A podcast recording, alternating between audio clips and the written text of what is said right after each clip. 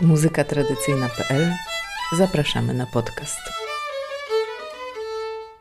Siadać za stół. Śpiewy pogrzebowe na wschodnim Mazowszu. Anna Jurkiewicz czyta autorka. Czy stare pieśni zdarza się jeszcze wykonywać na wsi w okolicznościach takich jak 100 lat temu? Nie na festynie lub przeglądzie folkloru, tylko w życiu codziennym? To pytanie zadawaliśmy sobie z zespołem projektu Pieśni do Śmierci, jeżdżąc do różnych miejscowości na styku Mazowsza i Podlasia. Nazwa inicjatywy podpowiada, którą częścią tradycyjnego repertuaru zajęliśmy się w pierwszej kolejności. Z wielu rozmów wyłonił się taki obraz. Dawne melodie taneczne wyszły z obiegu już dawno, podobnie pieśni weselne. Za to w dużej części wsi pierwsza napotkana osoba była w stanie wskazać, kto wykonywał lub prowadził śpiewy przy zmarłym w ostatnich latach. Tak trafiliśmy do wielu osób, które pamiętają dawne pieśni pogrzebowe. Nie uważają się za śpiewaków. Jeśli już używają tego określenia, to wysyłając nas do jakiejś innej miejscowości, na przykład mówiąc: Dobre śpiewaki są w żalach. Mówią o sobie, że chodzą po pogrzebach. Pieśni przechowują w pamięci, której przedłużeniem są grube zeszyty, zwykle w kratkę. Zapisane własnoręcznie lub odziedziczone razem z melodiami po kimś, kto wcześniej chodził. To chodzenie oznaczało dawniej odwiedziny w domach. Kiedy ktoś umarł, domownicy ustawiali przy domu czarną chorągiew. W ten sposób wieść rozchodziła się wśród pozostałych mieszkańców wsi.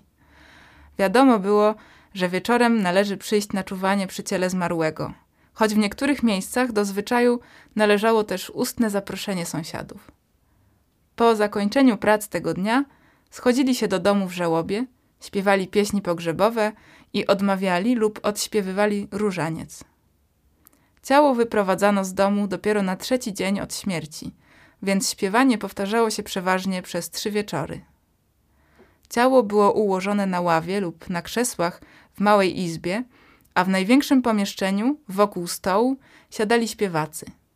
Inni stawali za ich plecami lub siedzieli pod ścianami.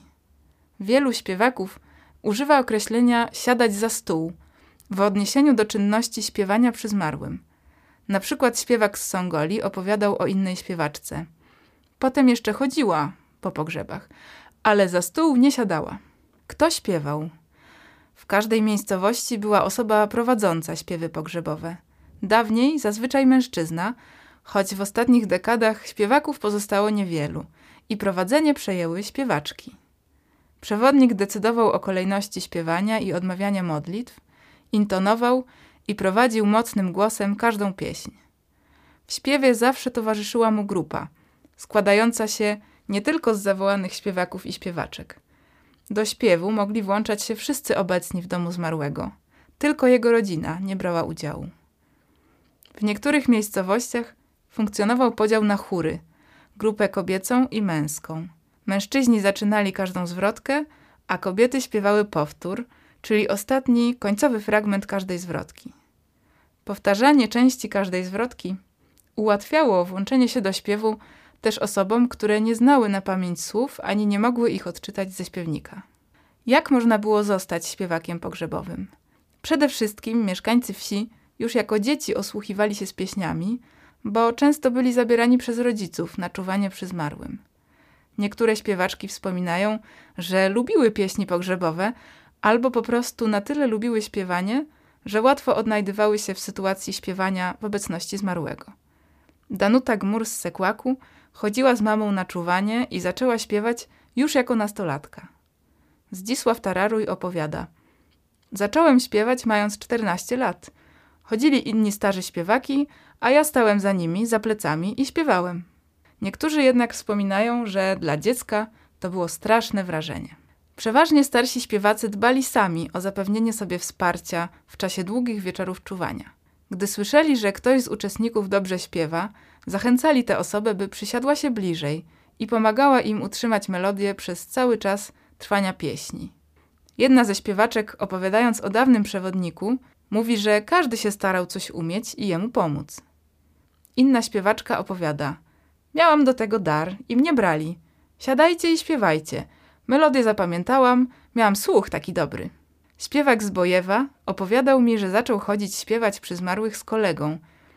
Szybko zostali zauważeni przez starszych śpiewaków, którzy po kilku latach przekazali im funkcję prowadzenia śpiewów. Kobiety pomagały, ale prowadziły męskie głosy.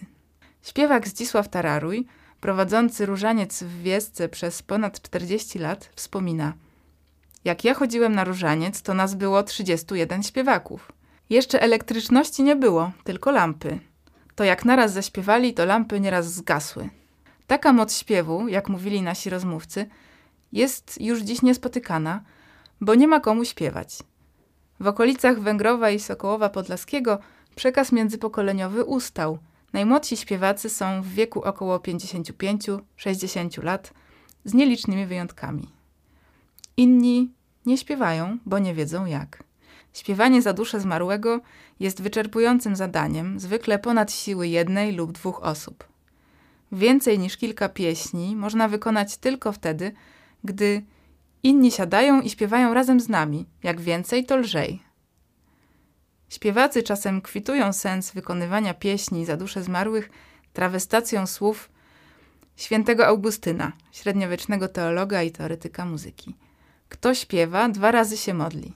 Być może jest w tej interpretacji doceniony czas i wysiłek fizyczny włożony w śpiew. Zgromadzenia śpiewacze w domu są współcześnie rzadkością. Ciało odbierają najczęściej pracownicy zakładu pogrzebowego.